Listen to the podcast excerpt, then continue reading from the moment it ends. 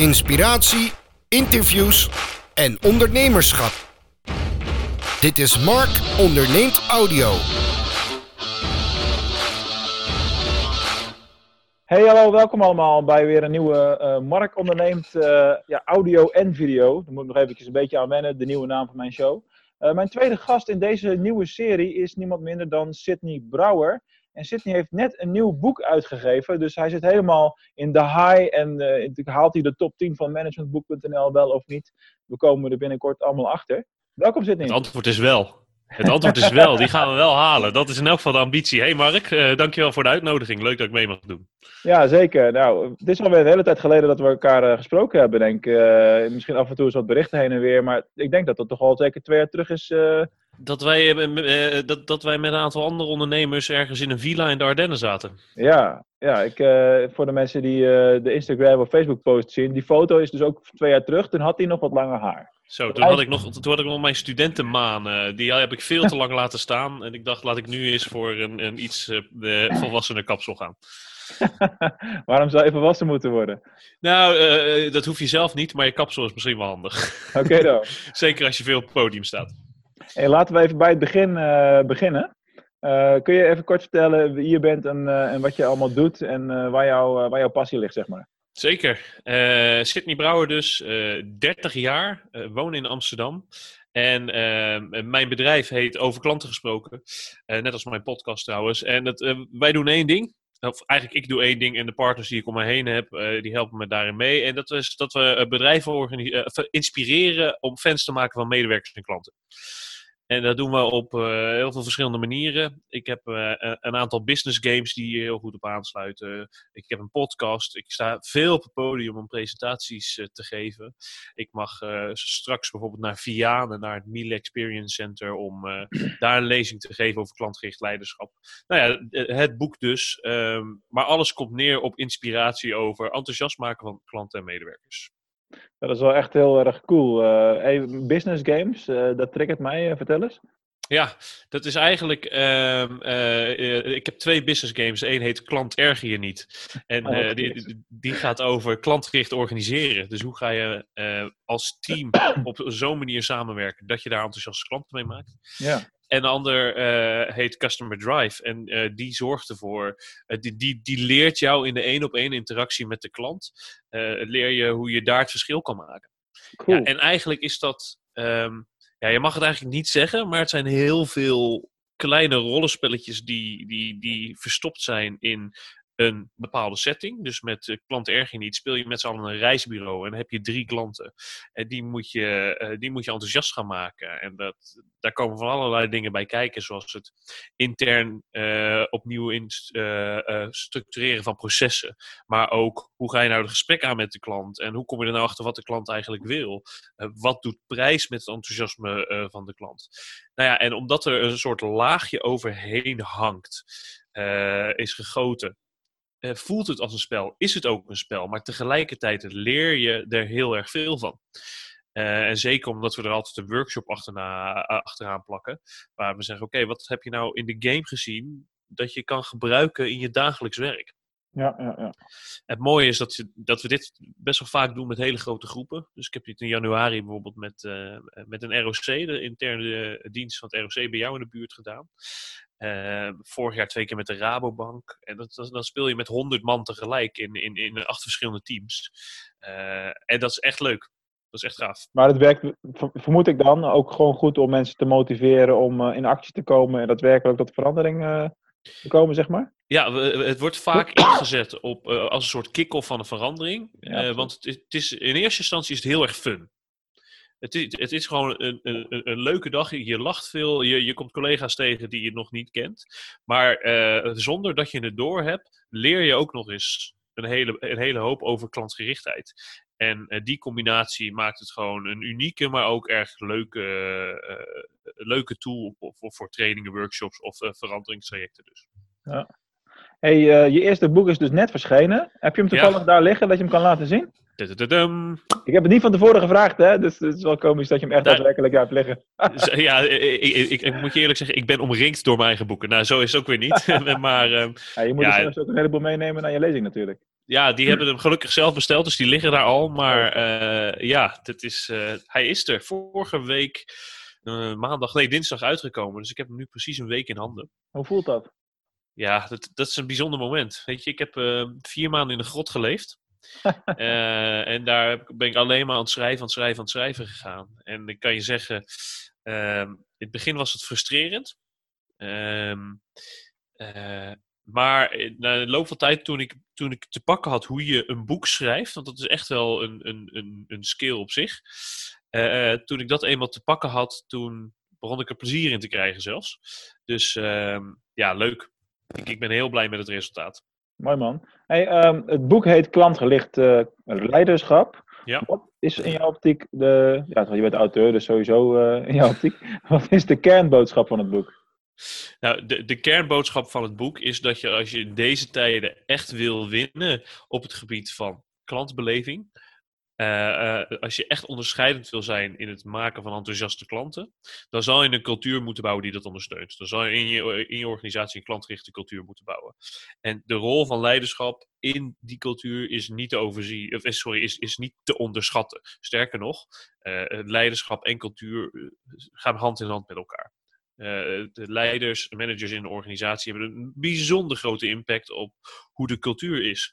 En toch hebben we, uh, staat het onderwerp cultuur veel te weinig op de agenda van de boardroom of van de organisatie als geheel. Omdat we het soft vinden. Nou, in dit boek heb ik acht principes uiteengezet die, de, die ervoor kunnen zorgen dat managers cultuur uh, op de agenda zetten van de organisatie. En daadwerkelijk kunnen gaan bouwen aan een klantgerichte cultuur in een organisatie. En wat, wat zijn die acht principes? Uh, wil je dat ik ze alle drie, dat ik ze alle acht doorneem? Nou ja, in, in, in, minuscule vorm uh, vogelvlucht. Uh, anders kunnen mensen. moeten wel het boek nog willen lezen, natuurlijk. Hè? Ja, zeker. nou, la, laat ik het zo zeggen. Ze zijn, ze verdeeld in twee onderdelen. De eerste drie principes zijn, noem ik de persoonlijke principes van klantgericht leiderschap. Die gaan over wat jij, wie jij moet zijn, wat jij moet doen als leider, wat je moet geloven. Dus dat gaat over jou als persoon. Dat heeft nog niet zo heel veel te maken met je organisatie en andere mensen. De laatste vijf principes, die gaan daar wel over. Dat zijn de organisatorische principes van klantgericht leiderschap. En die gaan over hoe bouw je nou een klantgericht team. Um, die gaan over hoe zorg je nou dat je uh, een, een redelijk abstracte term als klantgerichtheid, hoe ga je die nou levend maken? Hoe ga je daar nou invulling aan maken? Hoe ga je nou samen met anderen een beeld creëren van hoe de klantgerichte versie van jouw organisatie eruit ziet? Mm-hmm. Uh, en uh, het laatste principe gaat bijvoorbeeld over hoe je gaat meten wat het verschil maakt. Dus hoe ga je de cultuur in je organisatie meten? Je laat het, je laat het woord cultuur nu een aantal keer uh, vallen. Ja. En uh, je zei ook dat uh, cultuur wordt gezien als iets softs. Waarom is dat zo? Ehm, juist omdat we het niet kunnen, moeilijk kunnen meten. Juist omdat het, het, het. Kijk, je kan cultuur niet kopen zoals je een software systeem kan kopen. Je kan een cultuur niet laten doen. Zoals je het kan doen door een blik consultants open te trekken of een marketingbureau uh, in te huren. Um, en, en dat maakt cultuur spannend voor veel leiders, voor veel managers. Omdat het zo ongrijpbaar is. Wat is cultuur eigenlijk en hoe kan je er dan wel invloed op uitoefenen? Nou, de enige manier waarop je dat kan doen is door heel hard te werken in je organisatie. En elke dag aandacht te besteden aan de cultuur die je wil hebben en houden. En uh, misschien een, een rare sprong, maar uh, uh, hoe werkt zoiets bij bedrijfsovernames? Want dan heb je vaak te maken met een andere vestiging en een bestaand team waar al een andere cultuur heerst op dat moment.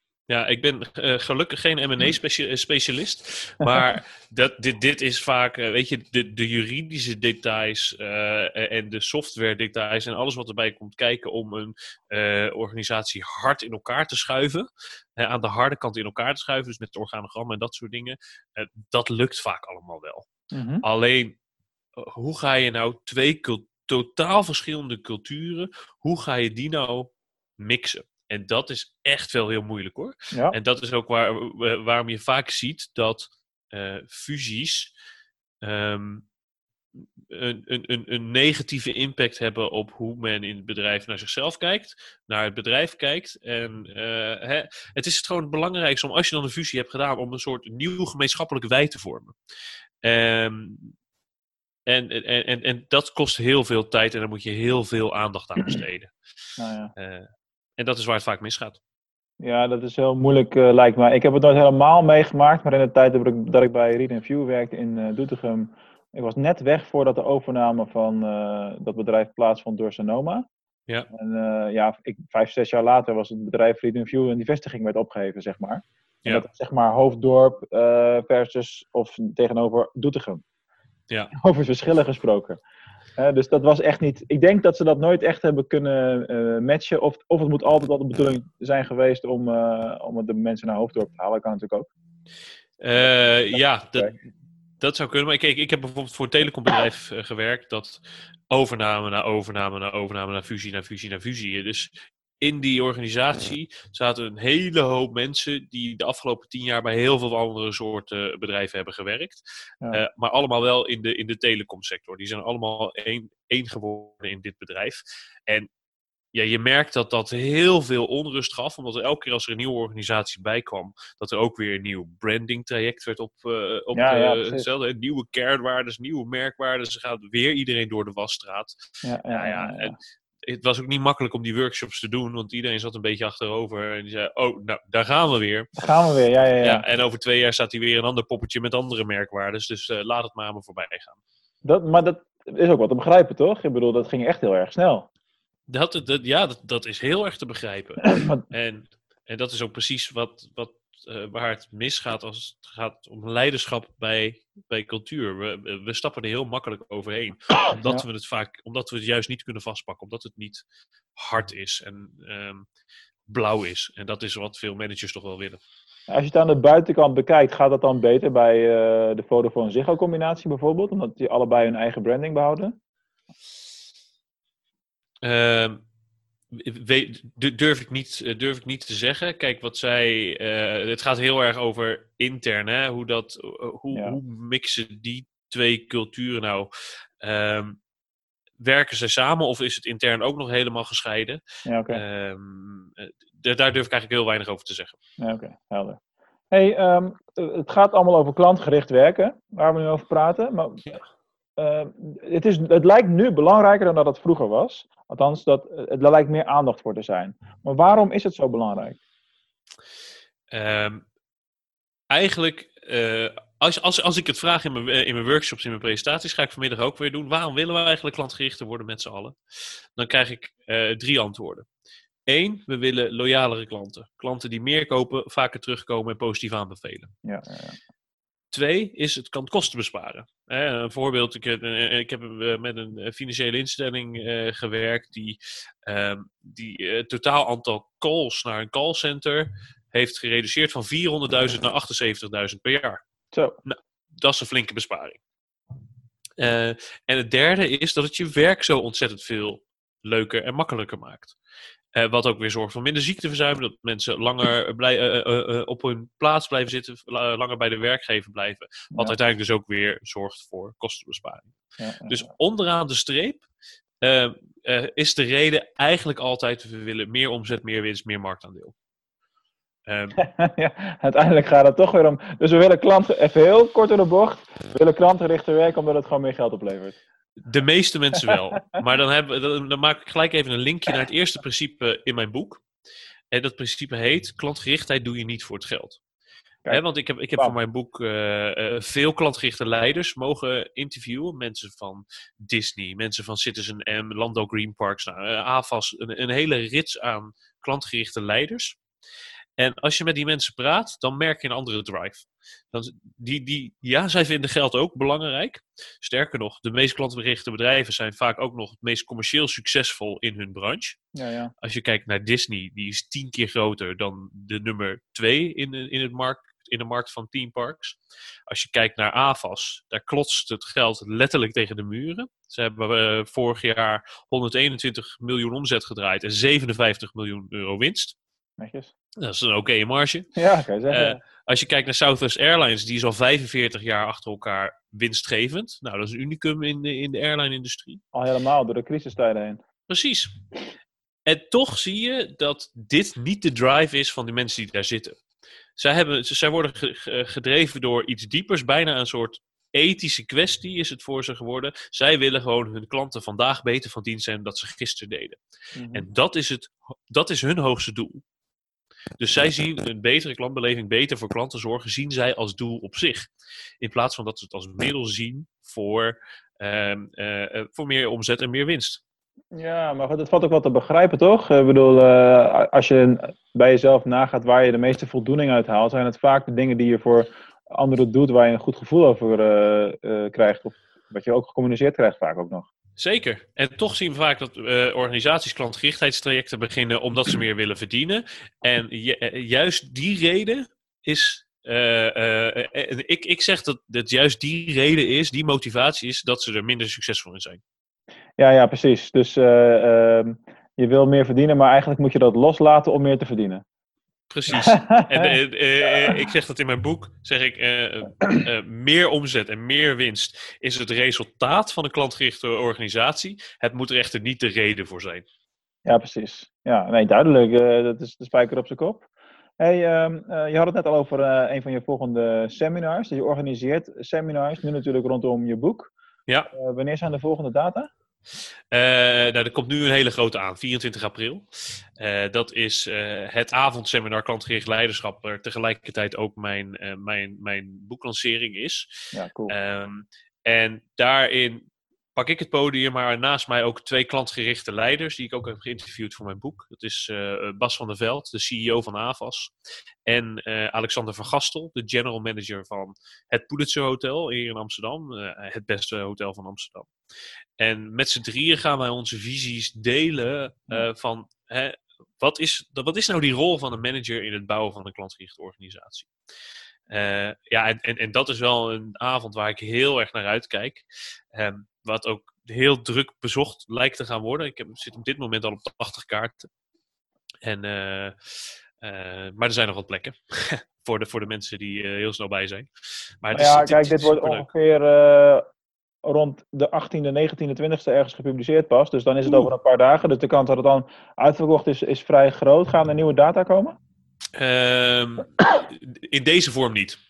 Eh, in deze vorm gaat hij niet komen, omdat ik, ik kan niet elke keer deze twee CEO's vragen of Nee, ze met mij op het podium. Eh, waarschijnlijk komen er wel eh, sessies waar ik het alleen doe.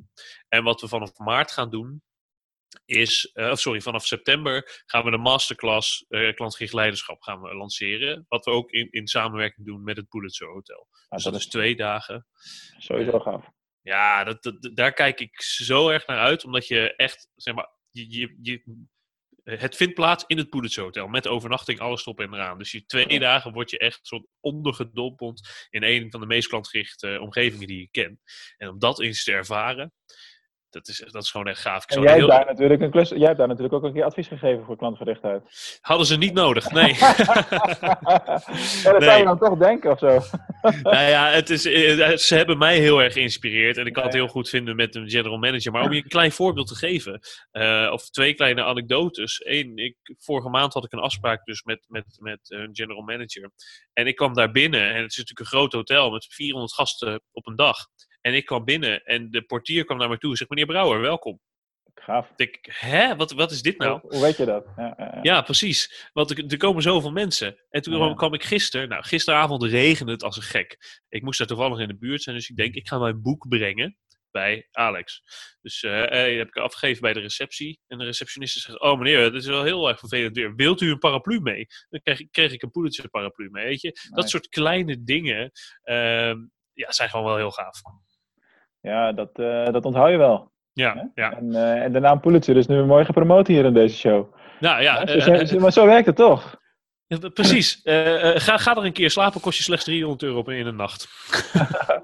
En het zal dan met het seminar nog het zal het iets hoger liggen, want dat is een inclusief seminar. Iets, iets hoger, ja. Gaaf man. Hey, er zijn al een aantal hele gave namen voorbij gekomen van bedrijven en voorbeelden van bedrijven die je hebt genoemd. Eh, maar als je nou gewoon naar wereldwijd kijkt, welk bedrijf le- levert volgens jou dan de meest legendarische klantbeleving? Ja, er kan er maar eentje zijn, en dat is Disney. Ik wist dat je dat ging zeggen. Echt. Het is, weet je, dat kan, wa- want het is zo bijzonder dat je als je, in dat, als je een stap doet in dat park, dat je je werkelijk een aantal dagen in een compleet andere wereld begeeft. En al het, wa- alles wat daar buiten, buiten die bubbel gebeurt, komt niet tot je. Ja, ja, ja. Dat hebben zij zo goed gedaan. Dat zit in alles. Weet je, ze, hebben er, ze gaan zo ver dat als je een ander deel van hun park in Orlando ingaat. ehm, hè, want Orlando is, de, eh, is het grootste park, is Disney World. En het bestaat eigenlijk uit vijf verschillende eh, pretparken. Ja, ik ken, ik ken de drie. eh, Californië, Orlando en Parijs Ja, ja. geweest. Ah, oh, jij bent ook een echte fan als ik het zo hoor. Klein beetje. maar als je daar dus een ander deel van het park in loopt, dan verandert de structuur van de paden waarop je loopt. Mhm. Dat verandert de kleuren en designs van de, eh, van de prullenbakken die er staan. Gewoon om alles, eh, om alles in, in, in lijn te brengen met het nieuwe park waar je in gaat, met de nieuwe wereld. Nou, als je Ja, op ja. dat detailniveau over customer experience, over klantbeleving kan nadenken, dan ben je gewoon ben je een, hele, een, hele goede, eh, een hele goede organisatie. En wat ze ook doen, dat, dat vind ik toch altijd een van de meest, eh, eh, meest gave voorbeelden, is dat ze, ehm, eh, als je daar een kamer boekt, vooral een kinderkamer, dan zie je twee dingen. Eén, de, de deuren van je hotelkamer, die hebben twee gaatjes, twee peepholes. Eentje op het eh, ja. niveau van, van volwassenen en eentje op het niveau van kinderen, zodat kinderen ook kunnen kijken wie er voor de deur staat. En als je nou daar na een dag lang lopen in het park terugkomt op je kamer, dan hebben de schoonmaaksters daar, die hebben allemaal knuffeltjes neergezet. Hè. Die staan daar standaard op de, eh, op de kamer, Mickey Mouse, Dagobert, eh, al die poppetjes. En elke keer als je terugkomt van het park, staan zij op een andere manier in, eh, eh, in jouw kamer. Dus op dag Ja. 1 zitten ze met z'n drieën naast elkaar op het bed, zitten ze tv te kijken. TV staat aan en Donald Duck heeft een afstandsbediening in zijn hand. Dag 2 zitten ze op, je, eh, op de wastafel in je badkamer. En hij heeft, de een heeft een, een badmuts op en de ander heeft een tandenborstel in zijn hand. Nou ja, dit is natuurlijk echt magie creëren voor die kinderen elke dag als ze terugkomen uit het park. Dan hebben zij ze al de hele dag ondergedompeld in weet ik veel wat voor Disney dingen. En dan heb je nog even dit kleine dingetje aan het eind van je dag in Joh, Sidney, wie houden we voor de gek? Dat is niet alleen voor de kinderen, dat vinden we zelf toch ook gewoon Dat vinden we zelf toch ook fantastisch. Ja, ja.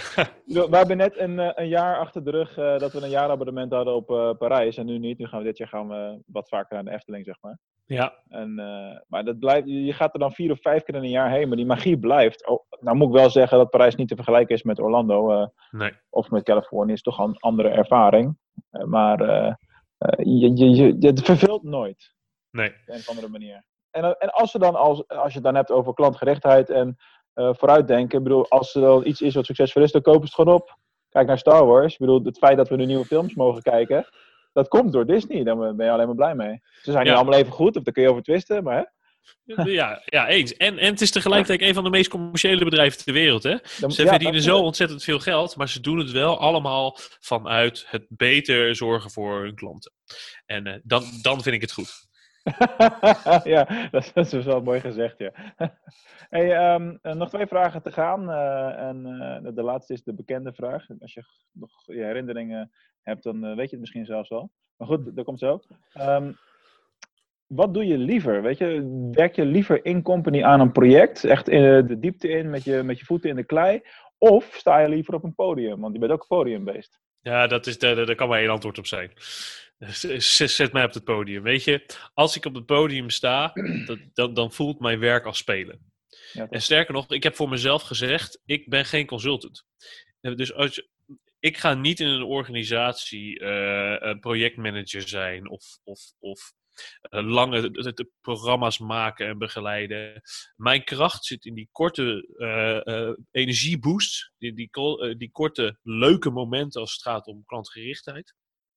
En dat voelt voor mij als spelen. eh, meestal het, eh, vinden de deelnemers heel leuk. Dus laat mij maar lekker dat doen. Dat, eh, en daar, daar, daar heb ik ook voor gekozen. Dus vaak krijg ik wel vragen zo van Sydney, wil je bij ons een Customer Journey traject gaan doen? Ja, ja, Wil je? En dan schuif ik die door naar partners in mijn netwerk. ja, heel goed. Ik bedoel, je moet gewoon lekker doen waar je blij van wordt elke dag, toch? Ja, nou, en dat is absoluut dat. Ja, ja, duidelijk. Ik snap het helemaal, eh, herken ik wel. hey, laatste vraag. En eh, ik stel hem aan al mijn gasten. Dus een voorbereide gast telt voor twee. Vertel. Ik kijk je aan en ik zie gewoon dat je... ah, ik heb even flauw idee wat je gaat doen. Maar wat zou jij doen met duizend pingpongballen? Oh, maar dat is, dat is heel makkelijk. Ik zou ze, weet je, ik, ik woon hier in Amsterdam. eh, en ehm, eh, ik zou eerst kijken wat er gebeurt als ik duizend pingpongballen in één keer eh, van mijn dak af zou gooien. Nee, en dan kijken of ik ze allemaal tegelijk in de kofferbak van mijn auto kan krijgen. Dat lijkt me wel leuk, om duizend pingpongballen tegelijk eh, vanaf mijn dak in de kofferbak van mijn auto eh, te, eh, te gooien. En daarna zou ik, ehm, ik ben een vervent apenkooier. Dat klinkt misschien heel gek, maar... Is dat, is, dat een, is dat een sport die je ook buiten de schoolgym zal kunnen uitoefenen? Nee, je doet het altijd in een gymzaal. Maar zeg maar waar je het vroeger deed met, met gym Ja. op de basisschool, heb je dat nu ook voor volwassenen. Het heet Apenkooi Gym. Geinig. En eh, daar ben ik groot fan van, omdat het ook spelen is. En ik zou dan met die duizend pingpongballen in mijn achterbak naar die gymzaal toe rij- eh, rijden. En ze vervolgens in die gymzaal storten om te kijken wat ik en mijn apenkooi vrienden daarmee een avond zullen gaan doen. Lachen man. Heel goed. En jij? Wat zou jij ermee doen? Nou, dat is een goede vraag. Ik heb eh, eh, afgelopen jaar een, eh, een hele lieve klant gehad. Die was zo bij de hand om mij een doos met duizend pingpongballen op te sturen. en ik ben nog steeds aan het kijken wat, hoe ik daar nou het beste antwoord op kan, kan geven. Maar dit is toch, dat je hier nog steeds niks mee hebt gedaan, dat is toch marketingwijs niet zo slim? Ja, alleen maar als je dit alleen maar een, een Instagram-video of iets ermee doet. Ja, dat, dit, dit past zo bij Mark, omdat je deze vraag altijd stelt. Dus Mark, zullen we afspreken dat eh, vandaag over een eh, maand, 4 mei, eh, heb jij ergens een video neergezet wat jij met die duizend pingpongbal hebt gedaan? Nou, dat is lekker on the spot. Daar mag je me aan houden. Yes! Hou ik van. Hij heeft voor elkaar. Tijdsdruk is altijd goed, toch? altijd mooi, ja. Je En je, je klant ook eindelijk blij. Ja, sowieso. Nou, het is wel goede timing, want we gaan nu een heel, heel leuk lang traject voor ze doen. Dus het is eigenlijk wel een, goede, een goed moment om dat een beetje in beeld te brengen. Kijk, mooi. Hey, eh, heb jij nog iets wat je mee wil geven aan de kijker slash eh, luisteraar? Hallo kijkers, slash luisteraar. Nou, weet je, als je nou meer wil weten over het boek, ik heb er een website voor laten maken. Dat is gewoon klantgerichtleiderschap.nl. Eh wat daar leuk is, is dat je een beetje de inhoudsopgave kan zien, een beetje informatie hebt, maar dat je ook het eerste hoofdstuk gratis kan downloaden. Dus dan laat je je naam en e-mailadres naar eh, achter. Dan daar krijg je het eerste hoofdstuk gratis in je inbox. Dan kijk, kan je kijken, joh, is het iets voor mij? Ehm, dat.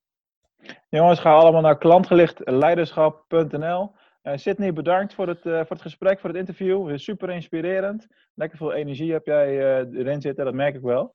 Ja, En, dankjewel. En ik ga hem afsluiten zoals ik mijn podcast ook altijd afsluit. Bedankt voor het luisteren naar de Overklanten oh, de DGOC-podcast met Mark onderneemt. En kijk voor de show notes op. Jij hebt geen show notes. Eh, nee. kijk dan voor de show notes op sydneybrouw.nl. hey, maar het is of YouTube of iTunes, of het is maar net waar iemand wil kijken of luisteren. Of Facebook, ik publiceer gewoon overal. Oké, nou dan eh, in elk geval eh, heel veel plezier met de volgende afleveringen van de Mark Onderneemt podcast. Bedankt allemaal, jongens.